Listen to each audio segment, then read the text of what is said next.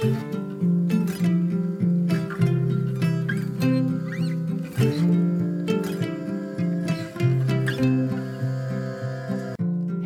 och välkommen till For Health med Anna Sparre.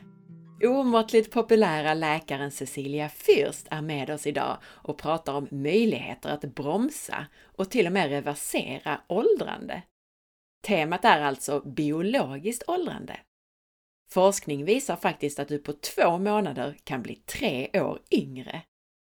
Det fantastiska med det här avsnittet är att det ger en massa spännande cutting edge kunskap i kombination med att det summerar de allra viktigaste och grundläggande faktorerna för god hälsa. Kort sagt är detta ett avsnitt för alla. Vi pratar med den extremt kunniga och välutbildade läkaren Cecilia Fürst. Som jag brukar säga, troligen Sveriges mest välutbildade läkare. Vi pratar om vad biologiskt åldrande är och forskning på detta, om epigenetik och hur du med enkla medel kan bromsa och till och med minska din biologiska ålder. På getacetrack.com får du 400 kronor rabatt med koden SPARRE. AceTrack från Diversify är utandningsmätaren som hjälper dig att förstå din fettförbränning och metabolism och mäter dina ketoner. Du som lyssnar får hela 20% rabatt på nyttoteket.se. Använd koden SPARRE20. Hos Nyttoteket kan du bland annat köpa benbuljong i form av real broth, kollagen, MCT-olja och andra nyttigheter. Av högsta kvalitet och helt utan onödiga tillsatser. Om du gillar det här avsnittet så blir jag så glad om du vill dela med dig av det på Facebook, Instagram och till en vän. Och gå in i iTunes och lämna din recension av podden. Det hjälper oerhört mycket. Tack på förhand! Glöm inte att du kan boka mig som föreläsare och att du hittar mig på Instagram som asparre och på facebook.com forhealth.se. Missa inte heller att anmäla dig till nyhetsbrevet på forhealth.se. Det kommer cirka en gång per månad och innehåller spännande hälsotips, nyheter och utlottningar.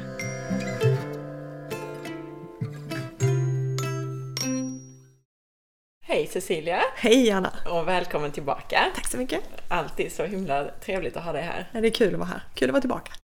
Och idag ska vi prata biologiskt åldrande och möjligheter att bromsa det. Ja, stämmer.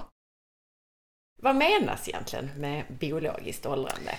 Eh, ja, om man börjar med att definiera vad är åldrande egentligen? Alltså åldrande är när cellerna eh, kontinuerligt förlorar sin kapacitet att fungera på ett korrekt sätt.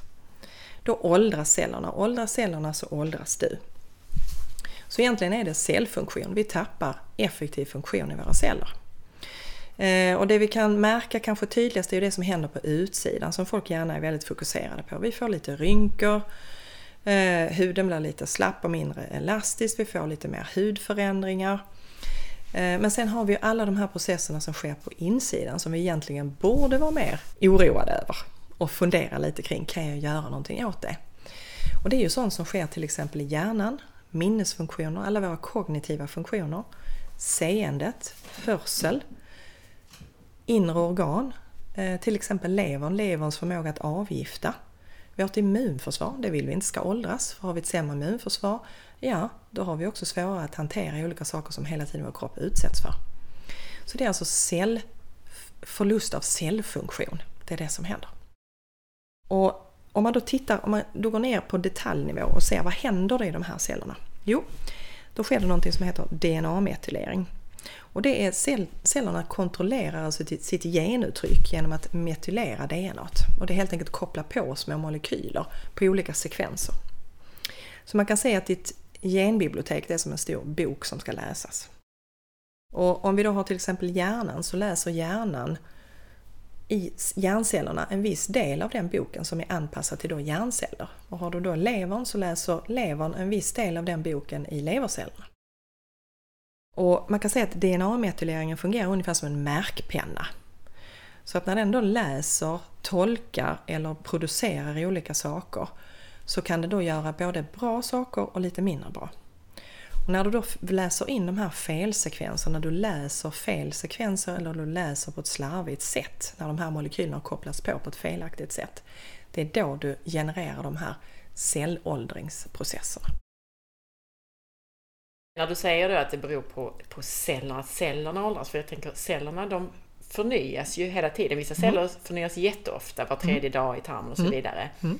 Men då är det egentligen själva DNA och där som vi pratar, alltså generna i cellerna som är problemet. Precis, mm. precis. Vi läser in förändringar på cellnivå mm. så att cellerna läser sämre och sämre.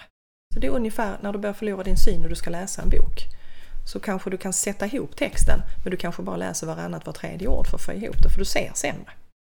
Och det är precis det som sker då på cellnivå. Mm. Så att ja, den kan fortfarande generera sig men den kanske inte genererar sig lite, lika optimalt som tidigare utan du läser in lite fel och så blir de felen fler och fler.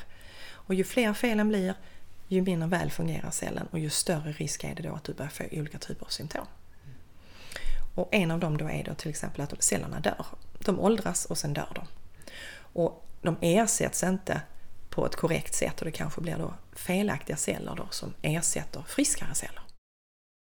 Så det vi kan göra nu, är att vi kan analysera de här DNA-metyleringsmönsterna på vissa sekvenser i vårt genom. Och när vi då läser dem så kan vi se hur många felläsningar det har blivit i de här kritiska områdena. Och ju fler kritiska områden som är fellästa, ju äldre är du biologiskt. Så tittar vi då på kronologisk ålder, det är ju den, det är ju den födelsedatan du har. Så du är född och det är den datumen du har i dagsläget, när, i, som du och jag idag. Idag har vi en viss ålder från det att vi är födda. Men vi kan vara biologiskt yngre eller vi kan vara biologiskt äldre beroende just på hur många felläsningar vi har i de här sekvenserna i vårt DNA. Nu nämner du ju då metylering mm. och då handlar det om de här metylgrupperna. Beskriv det här lite grann, mm. hur det funkar mm. just i, kopplat till genetiken. Mm. Eh, så när vi ska läsa någonting, alltså vi kan säga att vår genbok, det är egentligen bara en sekvens, det är som en, ord, det är en bok du har. Men du läser inte alla sidor samtidigt och vissa celler läser bara vissa delar på de här sidorna. Eh, och när vi markerar vissa sekvenser så markerar man det med olika typer av molekyler. En av de molekylerna är då små metylgrupper som man då sätter på som en slags markör på DNA när du ska läsa en viss sekvens.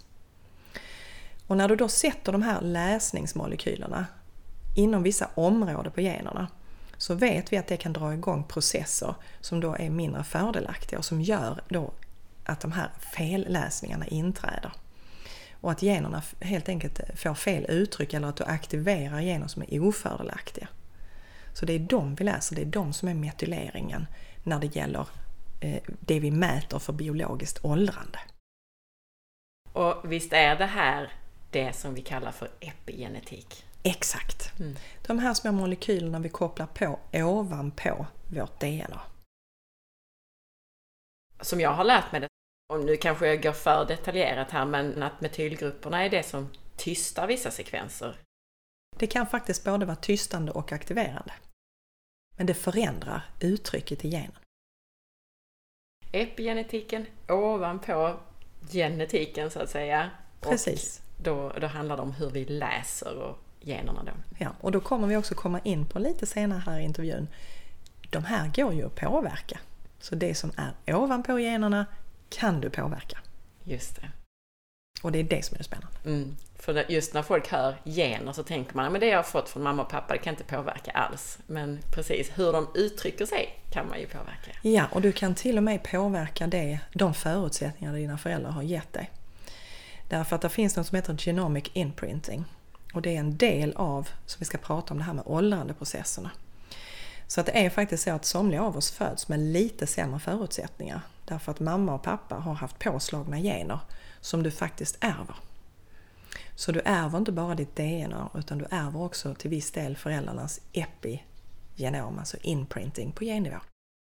Så att även om du har fått det, det får vi alla för den delen, det får vi alla, men vissa kan ju ha då lite bättre och vissa andra kan ha lite sämre beroende på vad föräldrarna har utsatts för. vi kan påverka det. Så man ska inte vara rädd för att ta reda på eftersom vi vet nu att detta är processer vi kan aktivt förbättra. Så inte vara rädd för detta utan istället lära sig om det och lära sig vad du kan göra åt det. Ska vi se om vi kan lära ut lite i den här podden nu då? Vilka faktorer i kroppen är det som påverkar vår mm. biologiska ålder? Mm. Eh, jag tänkte att vi ska dra tillbaka lite grann eh, och titta lite historiskt på hur vi har sett på åldrande inom medicinen. Förr hade man en, eh, en inställning om att åldrande är något som sker på ålderns höst. Så att det är helt enkelt att, eh, att vi hela tiden läser in fel och så småningom så resulterar det i sämre cellfunktioner och så småningom i olika typer av sjukdomar. Men sen 1 och 3 så började forskarna se ett annat mönster. Eh, och de började naturligtvis vilt debattera, vad var det ena och vad var det andra? Och det var just det här när vi fick reda på eller började kunna se de här olika typerna av eh, processer då som är kopplat till dina gener och ditt genom och ditt epigenom. Så den nyare modellen här, det är helt enkelt att ju tidigare i livet du får de här felläsningarna, ju snabbare åldras du och ju snabbare drabbas du av olika typer av sjukdomar. Så att imprinting sker väldigt tidigt i livet. Som sen ger dig sjukdomar senare i livet. Och det är det här som är så revolutionerande. Och det är därför jag vill komma ut med den här typen av kunskap. Därför att ju tidigare i livet gärna unga människor får reda på att hur de lever här och nu. Börjar de och startar tidigt genom att göra bra livsstilsval så kan du många gånger helt förändra förutsättningarna att ens få sjukdomar. Så förståelsen för detta, ja det spelar roll om du är ute och festar när du är ung varenda helg eller till och med flera gånger i veckan. Du får skador på ditt DNA, du får fler av de här metyleringsdelarna på DNA. Du får fler felinläsningar i hjärnan, du blir försämrad i dina kognitiva funktioner. Och även om du inte märker det när du är ung så är det din setup för hur du kommer att bli 20-30 år framåt i tiden och vilka sjukdomar du drabbas av. Nu sitter många här och är 50 år och mm. lyssnar på podden och mm. tänker Gud för 20 år sedan så levde jag si och så, jag drack alkohol och jag åt pasta och mm. Ja, och så blir man jätteledsen när ja. man tänker på det. Mm. Men då kommer vi ju till det här då, att vi kan alltså påverka, hur sent i livet det än är, så kan vi påverka det. Så att det är klart att det, ju tidigare ju bättre. Eh, därför att du har en snabbare cellgenerering, alltså du har en snabbare omsättning på dina celler. Men det är aldrig för sent. Och det är ännu mer betydelsefullt ju äldre du är därför att du har mindre marginaler. Så dina livsstilsval senare har större betydelse för hur du är just här och nu.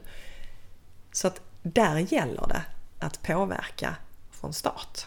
Så är man i 40-50 års åldern, sätt igång nu. Det är inte för sent. Eh, och det ska vi prata om också, där är en studie som jag ska prata om här. Mm. Eh, där man faktiskt ganska snabbt kan då ändra på de här förutsättningarna. Så nej, det är inte kört om man är 50. Definitivt inte. nej, och det var precis den tänkte jag fråga om också.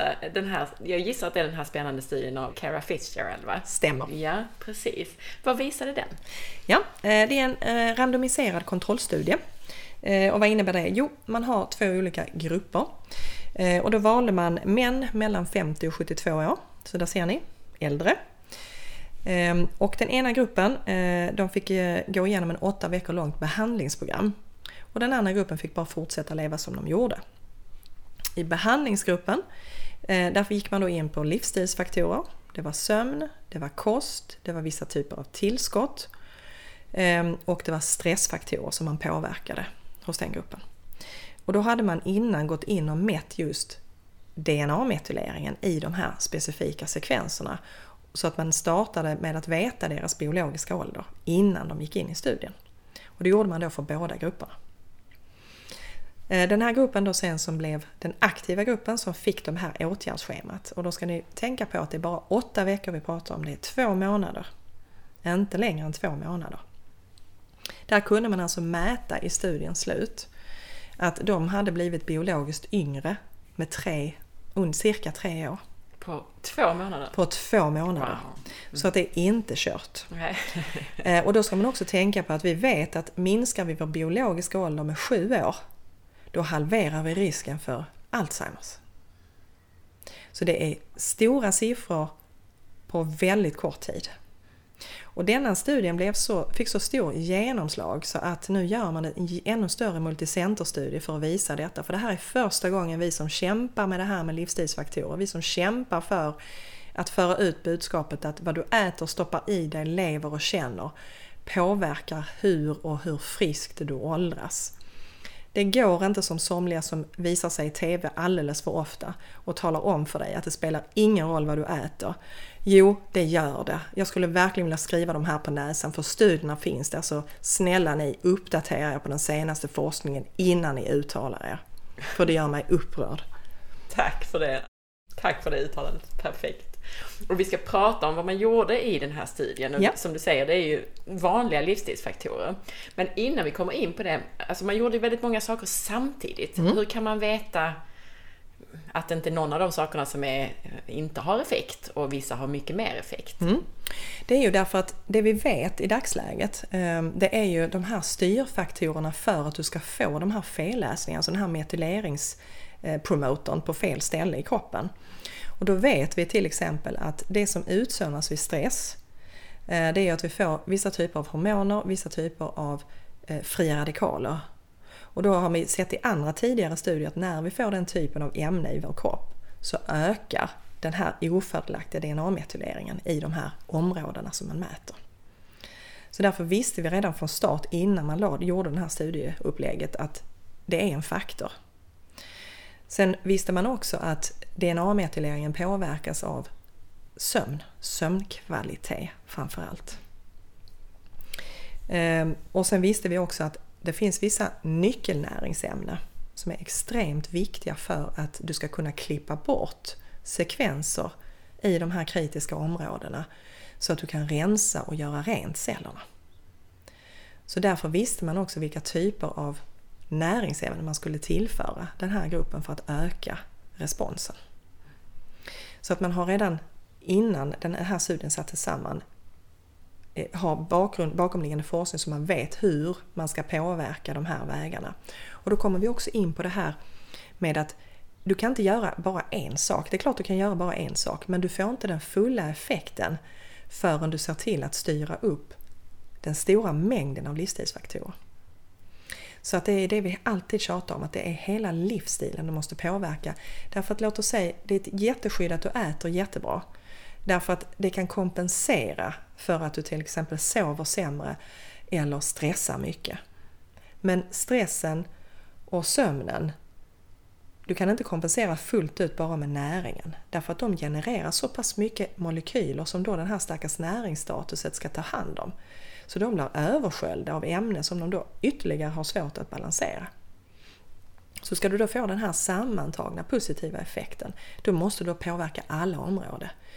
Eh, och det som sagt, där finns då forskningsunderlag på vilka typer av processer ökar den här ofördelaktiga DNA-metyleringen. En annan sak som jag känner att jag måste kommentera, för annars kommer lyssnarna kanske vara på mig, för du nämnde nämligen det här att, att studien är gjord på män och de senaste par åren så har vi haft uppe det mycket i, i poddarna att det är ett problem att det görs för lite forskning och har gjorts för lite forskning på mm. kvinnor. Har du någon kommentar kring det gällande den här studien? Ja, det har jag. Och det är helt enkelt att man valde män, det är för att de är nu kommer männen att bli arga på mig, men de är lite simplare än vad vi kvinnor är. Därför att de störs inte så mycket av hormonsidan som vi gör. Och då vill man ha bort den som en confounding faktor i den här första studien, för här vill man bara precis se vad händer om vi påverkar de här livsstilsfaktorerna. Det är lättare att göra en bedömning i en förstahandsstudie genom att välja ut män som grupp. Men som jag också sa tidigare, nu, nu gör de en stor, jättestor multicenterstudie och där är naturligtvis kvinnorna med. Och då har man också då tagit hänsyn till att kvinnor befinner sig i olika ålderskategorier. Och man har då också naturligtvis definierat hormon-hormonstatus eh, därför att det kommer då också ha en väldigt stor betydelse när man då ska utläsa data. Så att vi är lite mer komplicerade beroende på att vi har en annan hormonspegel. Och den hormonspegeln förändras väldigt mycket under vår livsstil. Hur vet man sin biologiska ålder från början? Hur visste man hur gamla de här var? Ehm, det här är, eh, det kallas ehm, ehm, det, det är gjort via en, det är en ganska avancerad matematisk kalkylering som man har gjort det här på. Så att biologisk ålder är det som jag säger, man mäter ett metyleringsmönster på DNA. Och sen har man då eh, tagit fram de här värdena genom avancerade matematiska algoritmer. Och bakom de här algoritmerna ligger ungefär en miljon metyleringsmarkörer som man då har samlat in från en väldigt, väldigt stort antal människor genom åren. Så ur det har man då kunnat se Eh, var och hur och vem som åldras på vilket sätt över tid. Och då kunna plocka fram de här olika platserna som man då ska mäta. Så det är alltså insamlad, det är forskning som ligger bakom detta under många, många års tid där man då har mätt de här sekvenserna och då sen kunnat korrelera dem till olika typer av biologiska markörer. Och så har man då lagt in de här värdena i en, ett, en dataalgoritm. Så det är egentligen det här matematiska uträknat. Så skulle vi räkna det för hand så skulle vi aldrig kunna komma fram till de här avancerade metoderna eller kunna komma fram till datan så snabbt som vi kan idag. Men finns det något sätt utanför forskning, alltså för dig och mig, om vi skulle vilja veta vår biologiska ålder, finns mm. det något sätt för oss att mäta den? Idag finns det ju det. Det är det det gör. Eh, det är vårt nästa lilla, stora, eller lilla, jag ska säga stora projekt, det är att ta hit eh, den typen av mätmetoder. Så att om allting går som det ska så har vi den klar nu i, vad blir det, slutet på maj, början på juni. Eh, och än så länge så gör vi det via ett amerikanskt företag för de är längst fram helt enkelt. De har hållit på med detta i många år och de erbjuder det.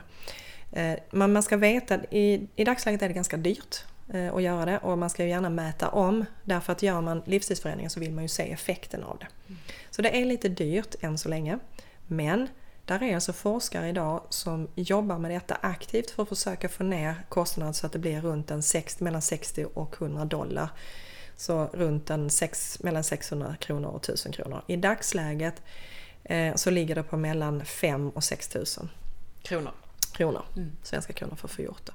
Men, men det pågår så att jag skulle gissa att inom en tvåårsperiod så tror jag att man har ett mycket, mycket billigare eh, sätt att mäta, eller inte sätt utan tillgänglighet. Är det blodprover man tar? Nej, det är salivprov. salivprov. Mm. salivprov. Så som ett, ett vanligt DNA-test ja. som man kan ta i, i munnen? Mm. Precis. Ja. Det det. Och vi pratar ju hela tiden om metylering. Finns det någon slags sätt att förenkla det, alltså som i att man vill ha mer eller mindre metylering när det gäller det här till exempel? Finns mm. det något sätt mm. att... Man vill ha mindre metylering på fel ställe på DNA. Så man vill att generna ska kunna rensas så att när cellerna delas och ska bli nya igen och fräscha så vill man inte att de här markeringarna och felläsningarna ska bli dominerande så att du läser in felen i nästa generation av celler. Så att i de sekvenserna vill vi klippa bort de här som driver då de här ofördelaktiga, felaktiga inläsningarna av nästa generation celler. Finns det något sätt att koppla detta? Vi har ju pratat nämligen om metylering i tidigare podcastavsnitt mm. och jag. Mm. Och då har vi ju mer pratat om det som en biologisk process och kopplat till, bland annat till vitamin B12 och folat och sådana här grejer mm. och den här genen som heter MTHFR och, mm. och, några andra. Finns det något sätt att koppla ihop detta på? Alltså mm. hur väl fungerande metylering man har pågående i kroppen kopplat till epigenetiken? Um, när du tittar på metyleringen rent funktionsmässigt i cellerna så är det ju ett arbetsverktyg för cellerna att eh, göra sina arbetsuppgifter. Eh, när vi pratar om de här sekvenserna, det är styrsekvenser i vårt genom, eh, så är det just det här att märka ut felaktiga ställen som man, cellerna egentligen vill plocka bort. Eh, så att det är två olika, det är samma process men de gör olika saker. Mm. Och det är också därför som eh, att ha en bra fungerande metylering när det kommer till cellfunktionen är jätteviktigt. Att du har de här aktiva B-vitaminerna som jag pratat om så många gånger, att du har balans i de här olika kemiska stegen. Därför att det kommer att hjälpa dig att inte få de här felinläsningarna. Och det är också därför man pratar om en metyleringskost när man pratar om just det här med den här typen av att minska din biologiska ålder. Därför har du då en kost som tillför de här substanserna som gör att du kan hålla din metylering i balans. Då påverkar vi också de här områdena då som då kan få fler sådana här små grupper påkopplat och märka ut dem som felaktiga. Mm. Så där har du kopplingen mellan de här två olika processerna. Om inte annat så måste vi ju ha metylgrupper för att kunna, alltså överhuvudtaget. Människan att, kan inte leva utan, utan att kunna metylera. Men du vill metylera på rätt ställe, ställe och av rätt anledning. Och du vill kunna metylera så att kropparna kan nybildas med korrekt information. Sen har vi då vissa typer som jag kommer komma in på kanske lite senare. Vi har alltså vissa typer av näringsämnen som kan klippa bort de här felaktiga ämnena. Så att det här vi kan alltså styra, påverka och förbättra vår biologiska ålder, inte bara genom livsstilsfaktorer utan också genom specialkosttillskott. Ska vi komma in lite på då, de här faktorerna då mm. som, som faktiskt spelar roll, som man då bland annat testade i den här studien? Mm. Vad är det som gör att vi kan förebygga och bromsa biologiskt mm. åldrande? Um, om vi tänker på, eh, som jag sa, att eh, när vi föds så har vi med oss ungefär 40% ifrån våra föräldrar. Så de här 60% av DNA-metyleringarna som hela tiden sker medan vi, vi åldras, eh, Eh, det är de du då lägger på dig genom din livsstil. Eh, och det är, det, det är det vi vill påverka då. Och de faktorerna vi då behöver ta hänsyn till som vi vet kan då förbättra eh, det här med att vi inte läser in de här felen. Det är då till exempel näring, så näringstät mat. Mat med mycket polyfenoler, alltså det här vi pratar om att ha alla färger i kosten. Så då landar vi var? Jo, vi landar i växtriket. Där har du de här specialnäringsämnena Eh, som hjälper till att ta bort fria radikaler, att reparera cellstrukturer, att se till att skydda oss mot olika typer av fria radikaler som vi också producerar helt naturligt i kroppen, det får man inte glömma bort. Vi producerar fria radikaler hela tiden och det är inget fel i det. Utan det är ju cell, cellarbetsprocesserna. Men vi måste också ha system som kan oskadliggöra dem. Eh, och då kommer vi då till de här näringsämnena. Så väljer du då en näringsfattig kost, låt oss säga att du äter alldeles för mycket snabbmat. Eh, du dricker eh, läsk, eh, vare sig det är med socker eller diet eller vad det är. Allt det här är tomma kalorier. Det är dessutom födoämnen som orsakar fria radikaler. Ja, då åldras du naturligtvis snabbare. Därför då har du ingenting av de här specialämnena som då hjälper dig med metyleringen. Så där har vi näringen. Fysisk aktivitet. Vi vet att när vi tränar så stänger vi av och stänger ner och tystar vissa ofördelaktiga gener som ökar de här processerna. Så vi minskar, vi lägger på en broms på de här. Det blir färre felläsningar. Intermittent fasta.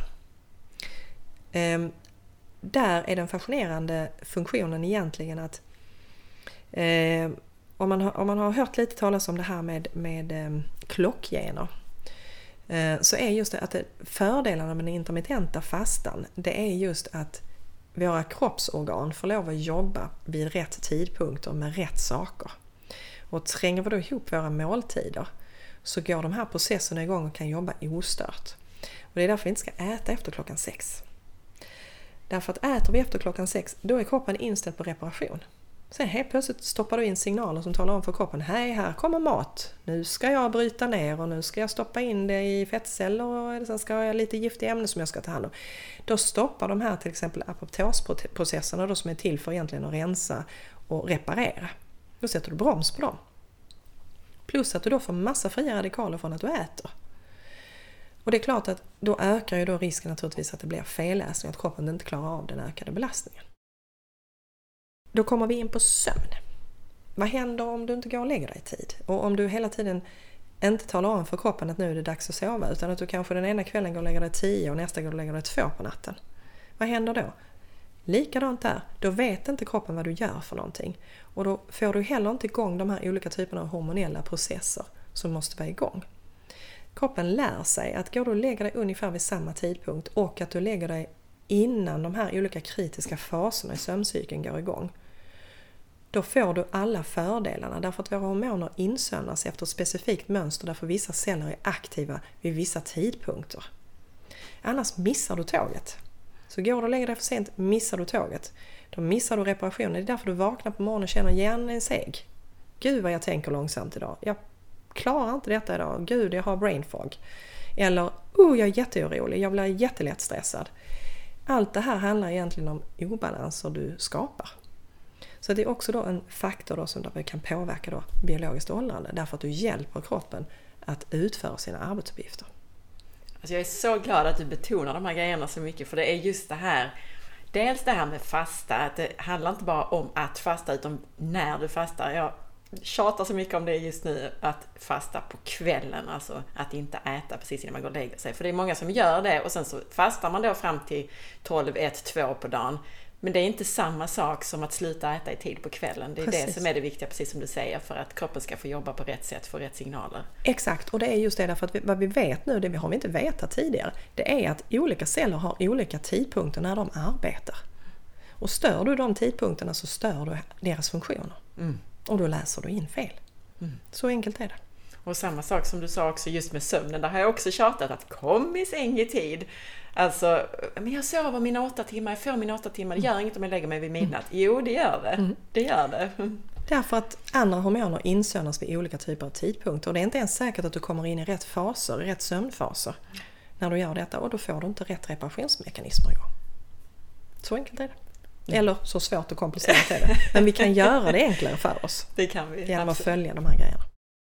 Sen är det klart att någon gång då och då eller man är ledig och man skjuter lite på sömn och sånt. Det är inte det som har den stora betydelsen utan det är i vardagen. Det är det, är det jag säger, det är vardagslivet. Det är där du ska ha dina rutiner. Sen kan du fånga dem i perioder när man är på semester eh, eller man ska iväg till någon eh, det, har, det klarar kroppen av att kompensera för. Men den klarar inte av att kompensera för det på daglig basis. Och det är precis som med kosten som vi också brukar tjata om att det är det här vardagliga att gör man 90% rätt så, så ligger man ofta på en bra nivå. Om man sen då en gång i månaden är på fest eller man går på bröllop och man äter annorlunda, man lägger sig för sent. Det är inte det som är den, gör den stora skillnaden. Nej, precis, precis. Det är precis så det funkar. Så därför behöver man inte känna liksom att man offrar någonting. För det gör man inte. Alltså du, du, det enda du gör är att du styr. Du blir den som styr ditt liv. Mm. Helt enkelt. Så eh, kost med mycket polyfenoler, alltså mycket färg. Mm. Sova i tid, Fasta på kvällen, alltså inte äta efter klockan sex. Vad mm. är det mer? Ja usch, det är många saker. Eh, alkohol är någonting man ska vara försiktig med. Det är jättetråkigt. Jag vet att det är många vinkännare och som tycker om att gå på alla de här vinprovningarna och dricka gott och äta gott. Helt okej, okay, men gör det sällan. Därför att det är likadant, alkohol är någonting som kroppen måste hantera och det, sorry, det är ett gift. Och gifter måste brytas ner och gifter skapar olika typer av reaktioner i kroppen. Så att alkohol är någonting man ska begränsa. Eh, och dessutom så stör det olika typer av eh, hormoner och framförallt signalsubstanser i hjärnan som faktiskt tar ganska lång tid att ställa tillbaka och balansera. Så att alkohol är en sån här som man ska konsumera vid särskilda tillfällen. Ehm, något man kanske inte tänker på eh, och som också naturligtvis upprör en, en hel del det är att vi har börjat förstå eh, effekten av mediciner, läkemedel.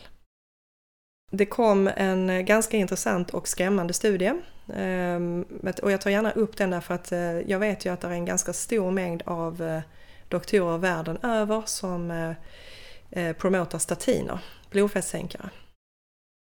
Och då kunde man se eh, i en eh, ganska så nyligen gjord studie att de som står på statiner eh, de ökar fria radikaler i de kritiska processerna i mitokondrierna och det är de som ska generera vår ATP och göra så att våra celler kan arbeta.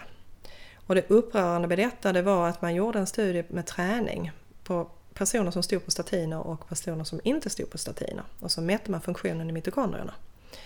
Och då kunde man se att de som inte stod på statiner de fick alla fördelarna med träning och de som stod på statiner och tränade blev ännu sämre. Så att läkemedel har en, ofta en negativ effekt på åldrandeprocesserna i cellerna och DNA-metylering. Så det måste man vara medveten om. Sen är det så ibland måste man stå på läkemedel men då måste man också vara än mer noggrann med kompensationsmekanismerna.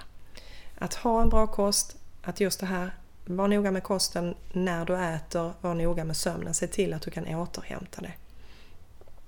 Eh, så att man kompenserar för saker som man kanske måste ta. Sen är det vissa mediciner som man faktiskt inte måste ta. Mm. Jag tänkte just på statiner är ju en just sån det. som eh, om det nu skulle vara några som måste ta det så är de väldigt få kan vi säga. De är väldigt få, mm. det är de. Eh, och där ska man definitivt kompensera för vad statinerna gör på cellnivå. Eh, det ska man. Så jag kan tala om för alla som står på statiner. Använd koenzym Q10. Eh, och ni ska ligga på ungefär 200 till 300 milligram för att kompensera för vad statinerna hittar på. Precis, för det statiner gör ju bland annat att stänga av den processen som skapar ja. koenzym Q10 Precis. i kroppen. Mm. Exakt. Eh, och det, också, det, kan också motverka de här effekterna som eh, personer som står på statiner känner från muskulaturen. Och det de känner från muskulaturen det är helt enkelt att statinerna påverkar då mitokondrierna. Så att eh, det kommer nog vara mycket debatter runt det eh, framåt eh, och jag tror att man kommer att få, eh, alltså forskningen nu framåt kommer att visa på väldigt många olika saker och det kommer att bli eh, mycket som vi kommer att få ta ställning till med den här nya vetenskapen som kommer i vårt sätt att tänka och hantera saker. Men det du kan göra för dig själv, tänk på kosten, tänk på sömnen och inför gärna det här att du begränsar när du äter under dygnet och eh, timantalet som det går som det är utan kost, mat. Socialt beteende, alltså vad vi har för socialt sammanhang runt oss. Att ha ett, eh, ett eh, vänkontaktnät, eh, familjeförhållande. Att man känner att man har ett ställe där man liksom kan vila som person och där man känner sig hörd och sedd. Det är faktiskt jätteviktigt för det här, för man har kunnat se i studier att det kan ha negativ effekt på de här sekvenserna som då metyleras. Så att känslolivet är viktigt förhållandeprocessen. Så ut och ha roligt, skaffa bra vänner. Det behöver inte tvunget vara familj om man inte har det utan se bara till att ha kontakt med människor som ger dig någonting och där du kan ge tillbaka. Så relationer som ger dig någonting är viktigt att ha nära dig. Jag tror vi har tagit upp de viktigaste här mm. eh, faktorerna som du då kan påverka och påverka ditt åldrande. Det var jättebra saker som vi faktiskt väldigt konkret och relativt enkelt ändå kan göra någonting åt, tycker jag. Men jag blev ju lite nyfiken för att du nämnde träning här, bland mm. annat. Mm. Vilken sorts träning är det då som mm. är hälsosam för detta? Eh, precis. Eh, det är egentligen kombinationsträning. Eh, är det. Där gäller det också att vara lite vaksam därför att träning när kroppen inte mår bra eller när kroppen inte har riktiga resurser för att klara av träningen, då kan träning göra mer skada än nytta. Och då ska man börja bara så enkelt som med promenader. Så att har du gått igenom någon sjukdomstillstånd eller du är väldigt utmattad eh, och du känner att det här med träningen, du till exempel får förkylningssymptom, ont i halsen när du tränar. Det är kroppen som signalerar att det här klarar jag inte av. Jag klarar inte av den ökade belastningen av fria radikaler. Det måste du vara nogsam med. Men har du ett bra fungerande system då klarar du all form av träning egentligen. Och det viktiga där är att öka cirkulation, och det gör du genom den vanliga kardioträningen. Och där kan du välja. Du kan välja att gå raska promenader i terräng till exempel där du varierar intensiteten. Du kan jogga om du tycker det är skönt. Ehm, eh, du kan cykla, eh, du kan vara ute på havet och paddla. Eh, egentligen allting där du, där du rör hela kroppen och får upp lite flås helt enkelt. Eh, och det behöver man göra, det behöver man egentligen göra på daglig basis. Eh, inte det att du behöver springa flera mil om dagen, det är inte det det handlar om. Men att röra dig varje dag, att gå promenader, att få igång andningen lite grann. Så att du får lite flås, det är viktigt eh, på daglig basis. Kan man koppla detta också till kanske att undvika för långa perioder av stillasittande? Precis. För då blir man ju... Precis, exakt. För det är cirkulationen vi vill åt. Mm. Cirkulation innebär syresättning och också ett sätt att kunna ta hand om fria radikaler. Mm. Så det är extremt viktigt. För jag tänker på de du nämnde där som knappt kan ut och gå ens, alltså för att de har varit så jätteutmattade. Då kan man ju ändå se till att man byter ställning ofta och, och rör sig väldigt försiktigt. Att man i alla fall inte sitter stilla på en stol. Absolut, och du kan göra så enkla saker som att du ställer dig upp och så bara svänger du med armarna lite grann. Mm. I olika positioner. Eh, att du sträcker på dig. Så upp med armarna, ställ dig på tå och rör på hela kroppen. Och sen kan du vila igen. Men det är just det här att få igång cirkulationen, det är det man får ha fokus på då. Man rör sig ut efter de förutsättningarna man har, men varje rörelse är viktig. Mm. Men som sagt, är man, är man frisk och känner sig stark, då kan man börja och lägga på lite mer, för då får du naturligtvis större effekt om kroppen är stark och frisk i botten. Så får du adderande effekter av din träning. Sen är det då jätte, jätteviktigt för metabola systemet att muskelbelasta. Och jag säger muskelbelastade för det innebär inte att du måste springa på gym. Men du måste utsätta muskulaturen för belastning och det kan vara egen kroppsvikt och, och tyngd. Eller så kan du ha något enklare hemma eh, någon, någon eh, kettlebells eller någon, någon hantlar eller någonting sådant där du lägger lite mer eh, press på kroppen eh, så att musklerna får anstränga sig lite mer helt enkelt. Men där väljer du själv, men belasta muskulaturen. Det är jätteviktigt. Och varför det? Jo, återigen, använder du inte saker och ting, använder du inte muskulaturen så händer det ingenting i dem. Eh, och händer det ingenting i muskulaturen så åldras den. Därför att den är beroende av att utsättas för det den är gjord för, nämligen att belastas. Därför att när du gör det så ökar du genomströmningen, du ökar rotationen på molekyler och du, det kommer upp olika typer av receptorer till ytan som gör då att cellerna arbetar på ett bättre sätt. Och kan man koppla in det till det här med metylering och epigenetik? Det är just det man kan. Mm. Det är alltså beroende av alla de här faktorerna som vi har pratat om. Fria radikaler, genomströmning, ta bort ämnen som skadar cellerna. Eh, därför att ju mer skadande ämne vi har runt cellerna, ju sämre blir metyleringen. Ju mer felinläsningar blir det. Därför att de här ämnena påverkar de här metyleringsprocesserna. Och jag kan också rekommendera, vi gjorde ett antal avsnitt med Dr. Marcus Kitterley, bland annat avsnitt 183 och då pratar vi lite om sådana här grejer som just det du säger som belastar. Då, då bygger man ju upp cellskräp bland annat och då blir ju alla andra funktioner lidande för cellerna är så upptagna med att ta hand om skräpet. Så då, det kan ju definitivt påverka sånt här. Precis, exakt. Så att det är egentligen att tänka ganska så eh, logiskt runt vad behöver kroppen? Och så just det att inte glömma bort att känna efter. Vad har jag för, för du kan vakna en dag och känna att mm, jag är inte riktigt i form. Nej, men ta då en promenad istället. Men idag vaknar du imorgon och känner dig stark, gör då lite mer. Så att du hjälper kroppen i de här olika tillstånden som man kan befinna sig i. Och sen så kosten, där sa du ju innan, blev jag jättenyfiken och säkert lyssnarna också, en metyleringskost. Mm. Vad är det? Mm. Eh, metyleringskost är en kost som tillför näringsämnen som då behövs för de här processerna. Um, och där, har vi, där kommer vi då tillbaka till det vi har pratat om tidigare, vi har pratat om metyleringen. Vilka, där är ju vissa näringsämnen som är extremt viktiga. Ehm, och där har vi då olika typer av aktiva ämnen. Det är ju B-vitaminerna vi pratar om här, som är viktiga för att styra metyleringskedjan. Ehm, och alla de ämnen de bildar i metyleringskedjan. Och de hittar vi var? Vi hittar dem i broccoli, vi hittar dem i blomkål, vi hittar dem i brysselkål, vi hittar dem i grönkål.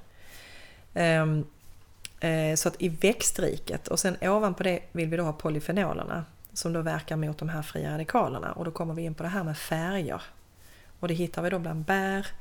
Eh, frukten får vi vara lite försiktig med eftersom den innehåller en del socker. Det är inte det att vi ska hålla oss borta från det. Men vi ska äta hela frukter så att vi får med oss fibrerna, vi får med oss skalen. Och proteiner av bra kvalitet. Därför man har kunnat se att när du väljer eh, till exempel att äta någonting som är pelletsuppfött, alltså du har inte fött upp djuren på deras naturliga föda. Till exempel att kossorna har fått lov att gå ute och eh, gräsbeta. Då blir den typen av fett och den typen av proteinstrukturer sämre för oss. Om de inte har gjort det? Om de inte har gjort det, precis. Mm. De måste betagas, de måste äta det de är ämnade att äta. Sen innehåller de lite svårare proteinmolekyler för oss att bryta ner. Och då vet vi också att det är bättre att lägga en bas om man då äter animalier. Så det är bättre att lägga den egentligen på det som är lite lättare för att bryta ner och då har vi då fisk och fågel. Eh, vi vet att det röda köttet är lite mer problematiskt. Eh, men viss mängd av det är bra, så vi ska inte utesluta det. Men vi ska heller inte lägga den stora tyngdvikten vid det som vissa gör som äter enorma mängder för det blir också en belastning på metyleringen. Så rätt protein i rätt mängd. Eh, sen kan man ju också ta eh, proteinerna från växtriket men där saknar du vissa näringsämnen och där måste du ofta kompensera med just olika typer av B-vitaminer. Ehm, och det är ju ofta så att när jag i min klinik ser provsvaren så är det problem för vissa personer som har en ren eh, vegankost att hålla uppe näringstätheten och näringsvärdena. Eh, och det är helt enkelt att det kräver lite mer arbete eh, för att hålla uppe näringstätheten när man har den typen av kost. Man kan inte slarva då. Man måste lägga ner tiden på att laga maten och då är den jättebra. Men det kräver både kunskap och tid. Så att vi, vi, vi är egentligen omnivåer, alltså vi har, vi har alltså vi upp, vad ska jag säga, vår, vår, genetik eh, är från stenåldern och eh, vi har ätit en blandad kost med en viss mängd eh, animalier i. Och givetvis har vi ätit mycket grönsaker för det är ju det som alltid finns tillgängligt Precis, runt exakt. oss så att säga i form av växtdelar och rötter och så vidare. Precis. Men jag tänkte också på det när du sa att även om man, jag tänker även om man är väldigt, väldigt duktig på att laga sin mat som vegan så B12 är ju en sån jätteviktig sak för Ja. Metyleringen och den är ju väldigt svår att hitta i växtriket. Det är det. Den är jättesvår. Och därför säger jag att har man den livsstilen så är det jättebra att kolla upp lite då och då. Se hur ni ligger till och se vad ni behöver kompensera för. Så att man inte tappar bort eh, de här eftersom det är så otroligt viktigt för metyleringsprocesserna. Men har man då i den här studien bland annat som vi pratade om Mm. Just det här som du kallar för metyleringskost, var det en sak som studerades förutom polyfenoler och så? Ja, Mm. var det. Så att det tittar man på i den här. Eh, och sen är det då rätt sorts fetter som naturligtvis är jätte, jätteviktiga. Eh, och där har vi ju det här kända förhållandet mellan omega-6 och omega-3. Eh, så att man försöker alltså lägga sig ungefär på 2 till 1, alltså i förhållande omega-6 och omega-3. Eh, och idag har vi ju genomsnittlig, genomsnittliga människan ligger ju ungefär på 15 till 1, vilket är ganska skrämmande Mm. Eh, på det här. Och eh, omega-6 bildar fria radikaler, det bildar olika typer av inflammatoriska cytokiner. Så att har du, tappar du balansen däremellan så blir det mer, lutar du mer åt att bilda då ämnen som kroppen då måste hantera som då kan skada cellerna på olika sätt. Så att det var en av de andra eh, bitarna man då styrde, man såg till att man fick rätt sorts fetter. Bara för att förtydliga, när du säger 15 till 1 så menar du alltså 15 gånger så mycket omega-6 som omega-3. Precis. Och omega-3 är ju det som vi i huvudsak, eller lättast, kan få från fisk. Precis. Eh, Medan omega-6 är det som vi får från de flesta växtoljor. Ja, absolut. Och tyvärr är det så också att eh, många av de här som är farmed raised, alltså kossorna som, som får pellets och grejer, de har också väldigt mycket omega-6 i sitt kött. Eh, Så att där, där får man också mängder. Och likadant när du processar det här köttet på olika sätt, eh, behandlar det, eh, så har du extremt höga nivåer av omega-6. Är det för att man tillsätter ofta växtoljor när man processar och gör? Eh, ja, absolut. absolut. Men, men också som jag säger att när de äter av de här växterna i sina pellets så lagras det fettet i eh, strukturerna. Precis. Mm. Precis. Mm. Så då stiger ju då mängden omega-6. Så att där är också, om man nu väljer att äta kött, att man Mm. väljer vilt och gräsbetat och så vidare. Precis. Vad var det för tillskott då som du nämnde innan? Mm. Det är riktigt spännande. Ehm, jag kan säga så här, tillskott de tar man till när man har gjort allt det andra. Så jag bara understryker det. Tillskott är till för att ge den här sista effekten på cellerna. Det är inte lönt om du inte gör livsstilsförändringarna. Visst, det är lönt därför att det skyddar dig, men du får inte de markanta effekterna om du struntar i allt det här vi har pratat om och lägger de här ovanpå. Ja, det skyddar dig till viss del, men de stora effekterna får du genom livsstilsförändringarna. Jag vill bara understryka det. De här lägger du ovanpå livsstilsförändringarna och du kan få riktigt, riktigt spännande resultat när du använder dem. Och det är det framförallt eh, lite olika saker här som jag vill nämna. Eh, högkvalitativt resveratrol och i kombination med quercetin. Därför vad de gör, eh, de påverkar något som heter sirtuin genes eller sirtgener. Och de är de som hjälper till att klippa av de här felaktiga metyleringarna i de här sekvenserna. Så de föryngrar dina celler. Eh, och det finns fantastiskt mycket forskning på detta nu så att eh, där är man säker på att där har vi en effekt när vi använder de här. Och i naturligt i mat kan man ju få i sig dem också även om de inte blir de mängderna som Mm. från tillskott. Men resveratrol kan man ju få från just de här mörklila sakerna. Absolut. Eh, mörka druvor, eh, Mm. ekologiska i så fall. Mm. Men det är också i svarta vinbär och så. Absolut, Alla- absolut. alla All, allting som har den här färgen som björnbär till exempel. Eh, vinbär. Mm. Så att allting som har den här mörk, mörklila eh, svarta färgen har ju väldigt mycket av resveratrol i sig. Men ska du påverka generna på det sättet vi pratar om här, alltså när vi går in och liksom eh, modifierar i de här processerna, då behöver du komma upp i väldigt höga koncentrationer. Och det är då vi ser de här effekterna. Och det är det som är ganska så spännande, för där, där kan du mäta från det ena tillfället till det andra och se vilken effekt du får. Och har man gjort studier i in vivo, alltså på människor Svar ja. med tillskott och då ser man att de minskar sitt Ja. åldrande. Mm. Häftigt. Eh, så att det blir ju mer och mer eh, nu att man sätter ihop de här olika typerna av cocktails då för att hjälpa eh, cellerna. Men återigen, det första först och det här är ovanpå det andra. Precis, då kan man ju börja med att använda de här ämnena i kosten när man ändå Just jobbar det. med sina livsstilsförändringar. Och quercetin finns väl i lök och sådana här saker? Finns det Mm. definitivt. Eh, och det finns i skal på till exempel äpple. Just det. Finns ju också. Eh, så att det, det ska man definitivt. Men det är så att säga, börja med livsstilsfaktorerna först. Och sen kan man då eh, leka med de här och laborera med de här andra ämnena. Jag kom på en annan sak här, för vi har också pratat lite om genetik och bland annat om KOMT-genen. Om man nu har en långsam KOMT-gen. Jag Mm. vet att KOMT är involverad i att ta hand om sådana ämnen som quercetin bland annat. Hur ska man tänka då med att ta ett quercetintillskott? Mm. Så länge du har styr på dina livsstilsfaktorer så kommer du inte att få eh, någon negativ effekter på KOMT. Eh, utan KOMT påverkas egentligen bara när du inte är i balans. Och det är därför jag säger starta med livsstilsfaktorerna. För då kommer heller inte de här generna att ge uttryck åt ett negativt håll.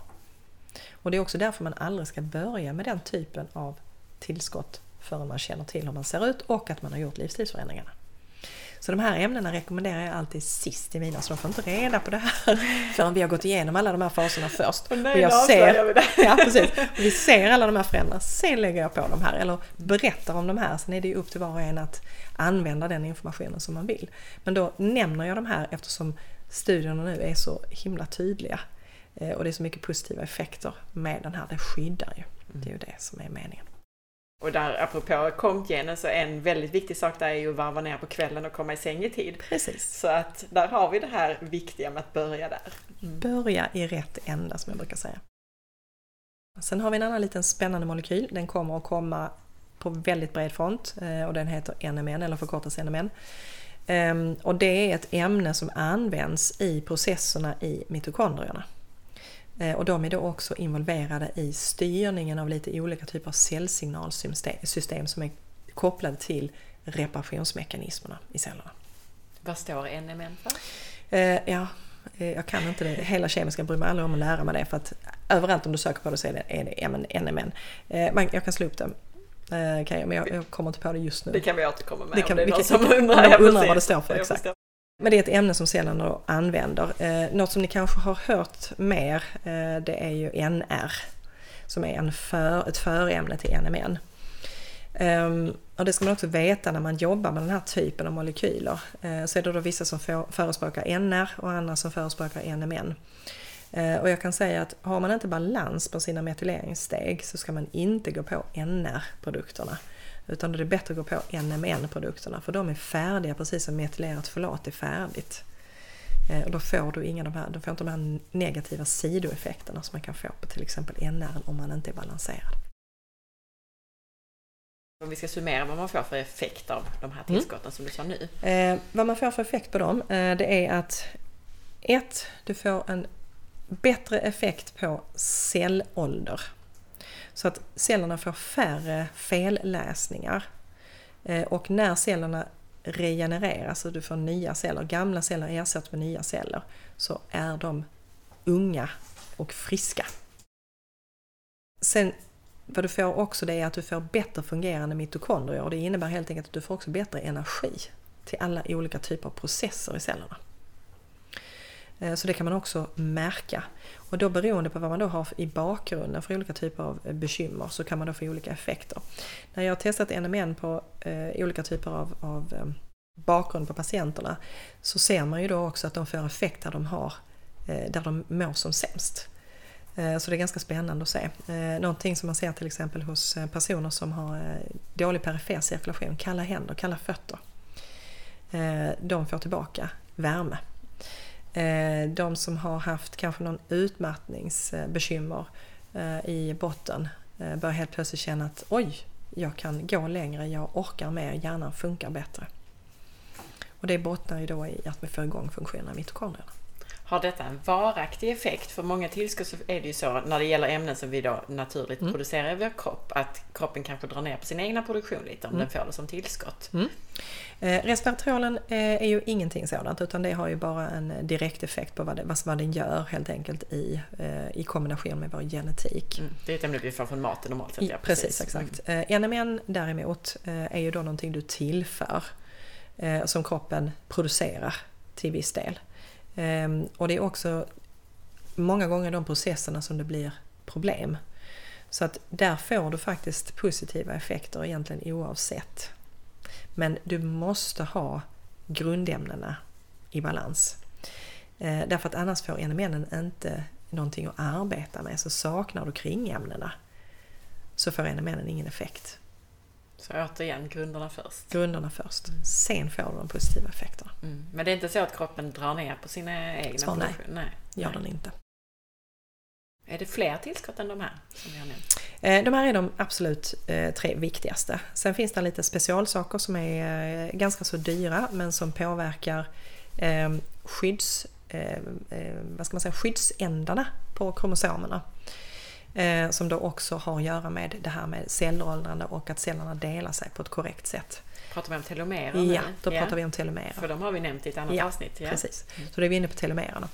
Eh, så att i kombination med de här andra sakerna då så kan man då påverka telomererna. Vad är det då för telomeras. Eh, då finns det en specialprodukt eh, som går under benämningen TH65. Eh, och då är, vi inne på, alltså då är vi inne på riktiga styrmekanismer och än så länge så är de här produkterna eh, väldigt dyra för de är dyra att framställa och det har att göra med ett, du behöver ganska stora mängder av, det är, fram, det är renframställt ur astragalus. Och då tar man fram en viss komponent av astragalus och den processen kräver väldigt stora mängder astragalus och en väldigt speciell teknik för att ta fram det. Så att få upp koncentrationen till de mängderna man behöver är en kostsam process. Förstår. Så Därav. kanske inte där man börjar med att ta det till Nej, det gör man inte. Man börjar med livsstilen. Men där har du de som är definitivt viktiga. Men sen får man inte glömma heller att det är jätte, jättebra att ta ett multivitamin med de aktiva komponenterna i. Eftersom de behövs för den normala metyleringen i celler. Så att gärna ett högkvalitativt multivitamin tillsammans med de här andra som jag har nämnt. En sak som jag tänkte på då, vi kom ju in på det här med KOMT och varva ner och så vidare. Du har inte riktigt nämnt det här med stress och stresshantering. Mm. eh, vi nämnde det lite övergående eftersom det påverkar våra hormoner och det påverkar otroligt många olika processer i kroppen. Till exempel integriteten i mag-tarmkanalen. Vi ökar vår produktion av fria radikaler. Vi minskar vårt immunförsvar. Allt det här styr vi ju om vi styr stressen. För stressen påverkar alla de här systemen. Så stresshantering är jätte, jätteviktigt när det gäller att kontrollera hormoner och fria radikaler och påverka då olika typer av störningar som det blir på grund av stressen. Var det en faktor som man studerade i den här studien? Svar ja. Mm. Hur gjorde man då? Eh, alltså de fick, eh, de, de fick alltså råd om, eh, där var ju sömnen en del i det naturligtvis eftersom det är ett sätt också att hantera stressen. Men där fick man andningsövningar som man fick göra på regelbunden basis och sen fick man strukturera upp sitt arbete under dagen. Jättebra tips. Strukturera sitt arbete för att dra ner stressen så och sen andningsövningar, meditation. Precis. Det var det man fick som hjälpmedel Mm. när det gäller stresshantering. Har du någon uppfattning om hur länge, alltså de här andningsövningarna, vad handlar det om? Eh, jag vet inte hur det var i denna studie men eh, en, kvalificerad gissning är ju att man kör de här kortare en, två minuters eh, varianterna och det kör man ungefär en gång i halvtimmen, en gång i timmen är det vanligaste. Mm. Eh, när man ligger, lägger in det under arbetstid. Just det, så att man hela tiden checkar in i kroppen lite grann och bara kommer tillbaka. Ja, sitter man framför datorn, det lutar sig tillbaka, lägg händerna på nederdelen av magen, stäng ögonen, ta ett par djupa andetag eller kör växellandning, höger och vänster näsborre under en minut. Det gör underverk för att sänka stresshormonmängden. Och det har man mätt i hur många studier som helst. Mm. Det är jätteeffektivt. Kan inte göra det vid arbetsplatsen brukar jag säga när jag jobbar på sjukhusen. Jag gick in och satte mig på toaletten och så körde jag lite andningsövningar där inne. Därför jag visste att det var väldigt sällan de knackade på där, då var det något akut och då fick man naturligtvis springa ut. Men där inne hade de i alla fall, eh, där brukar de inte knacka upp en. Nej, två minuter får man då vara på toaletten. Precis, så att eh, hitta ett ställe där ni kan gå undan en liten stund om ni behöver det, om ni inte har tillgång till det i er arbetssituation. Så att ni får de här fåtalet minuter, för det gör en jättestor effekt. Mm. Och kan man, är det så bra så att man kan gå utanför dörren så är det också en, en Ännu bättre. Men det är inte alla som kan och då får man liksom hitta de här små genvägarna. Är det något annat i det här vad man kan göra för att bromsa det biologiska åldrandet? Eller har vi gått igenom de viktigaste? Jag tror vi har gått igenom de viktigaste faktorerna. Mm. Så att eh, lyssna igenom det och se vad ni kan börja med och återigen det här som vi brukar prata om att när ni ska genomföra livsstilsförändringar, ta ett par stycken i taget, gör inte allting på en gång. Därför då, då blir man överväldigad och så känner man att nej det här orkar jag inte och så kommer det här att nej jag går och köper en glass eller nej jag pallar inte ikväll, jag tar och äter lite extra socker för det blir alldeles för mycket. Eh, så att, tänk på att göra en plan och tänk på att ni har tid på er. Stora förändringar i den här studien på bara åtta veckor. Lägg upp en planering, gör det strukturerat, ta en sak i taget. Det är inte meningen att detta ska bli en stress. Det vi säger här nu då, för nu har jag ju, när jag ställer frågorna så, så pratar jag mycket om att förebygga och bromsa biologiskt åldrande. Men den här studien, betyder det egentligen att man faktiskt till och med kan vända åldrandet och reversera åldrandet? Definitivt. Eh, och det är det som är det roliga med att ta de här testerna. För att ta testerna först innan man gör förändringarna och sen ser man efter sex månader, okej, okay, hur har jag kunnat påverka mitt biologiska åldrande? Därför då får du en positiv feedback också och det hjälper en att hålla kvar vid de här förändringarna som man eh, genomför. Så man skulle kunna ta ett test som visar att man är 62 år och sen efter ett par månader så, så kan det visa att man är 59? Ja, mm. kan det. Och det kan också visa efter ett halvår att man är 49. Mm. Så att det är fantastiskt vad vi kan göra eh, i de här påverkansfaktorerna och vad som händer i kroppen. Och nu pratar vi mycket om biologiskt åldrande. Vi får inte glömma bort att det vi vinner med att bromsa det biologiska åldrandet, det är ju antalet hälsosamma år. Och det är egentligen det vi är ute efter. Visst, somliga blir jättefokuserade på att man ska hålla sig yngre och se yngre ut, men effekten och funktionen, det vill vi komma åt, det är ju att vi åldras så hälsosamt och friskt som möjligt, så vi får så många friska år som möjligt. Det får man inte glömma. Så att biologisk ålder är också eh, det man kallar för lifespan-ålder. Alltså hur hälsosamt och friskt liv får jag på mina återstående år? Det är ju det vi är ute efter. Därför att vi vet att ju högre biologisk ålder du har, ju, fel, ju fler felinläsningar du har, ju snabbare åldras du men också ju snabbare kommer du in i olika typer av ohälsotillstånd och du driver fram olika typer av kronisk, kroniska sjukdomar. Så hög biologisk ålder är alltså eh, eh, symptomatiskt med sjukdomar. Så det är där man har sett den här kopplingen. Eh, och det är där man har kommit in på att man har ett annat åldersbegrepp i dagsläget och har en annan bakgrund till hur man ser på åldrandet. Så att det här när ni går till doktorn och de säger att ja, men det är en del av åldrandet. Svar nej, det är det inte. Det är gammal kunskap, funkar inte så längre. Så lägg bort det, det är i era egna händer, ni kan påverka detta. Tusen tack för den här jättespännande informationen. Och det känns så skönt också för det är så mycket som är så här grundläggande saker som man bara kan starta och göra här och nu hemma. Att komma i säng i tid och äta middag lite tidigare. Alltså sådana här saker som vi behöver inte åka till USA och göra något speciellt så att säga. Precis, och det är det jag tycker är så bra med den här informationen och inte låta sig luras av det här som ni bombarderas med i media. Ni kan påverka, det är viktigt vad ni stoppar i munnen, hur ni tänker, hur ni känner, hur ni lever. Det har effekt och vi har bevis på att det har effekt. Mm. Ja, jag är så tacksam för att du tar upp det för jag sitter också och sliter mitt hår när det sitter inflytelserika personer i TV och radio som säger att Nej, men det spelar ingen roll, det finns inga bevis. Ät ner era rostmackor. Mm. Tack! Här sitter en som, som jag brukar kalla dig för, Sveriges mest välutbildade, som säger motsatsen här. Utmärkt. Och det finns i studierna, det finns i forskningen. Mm. Så det här är inget konstigt. Var hittar man dig i sociala medier och så vidare om man nu är mer intresserad och vill följa dig? Eh, vill kika lite? Eh, ja, eh, dels så eh, har jag ju en blogg eh, där jag skriver lite olika saker i, när jag hinner ska jag väl lägga till.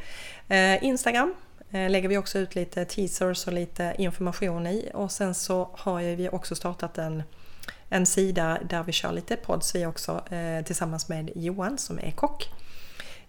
Och där vi bjuder in lite olika föreläsare och din hemsida, vilken adress? Ja, hemsidan är antingen så kan man få information via vitalakosttillskott.se eller så kan, kan man få information via vitalmedicin.se.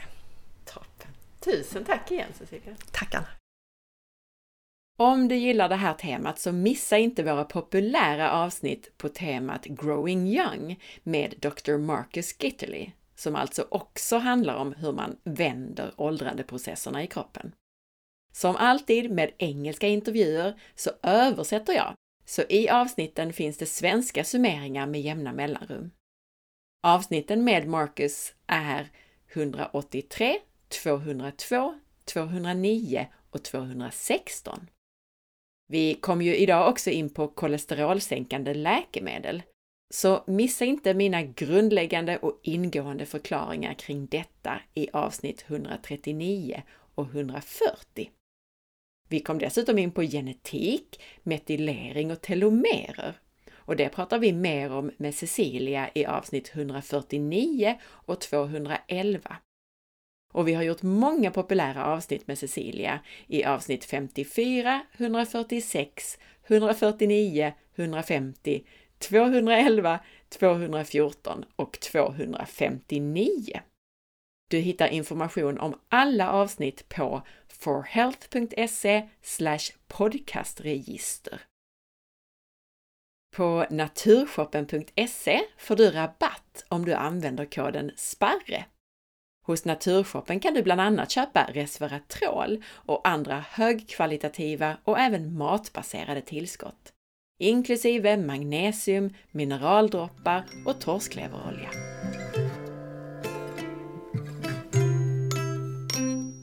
Tack för att du lyssnade! Jag hoppas att du gillade det.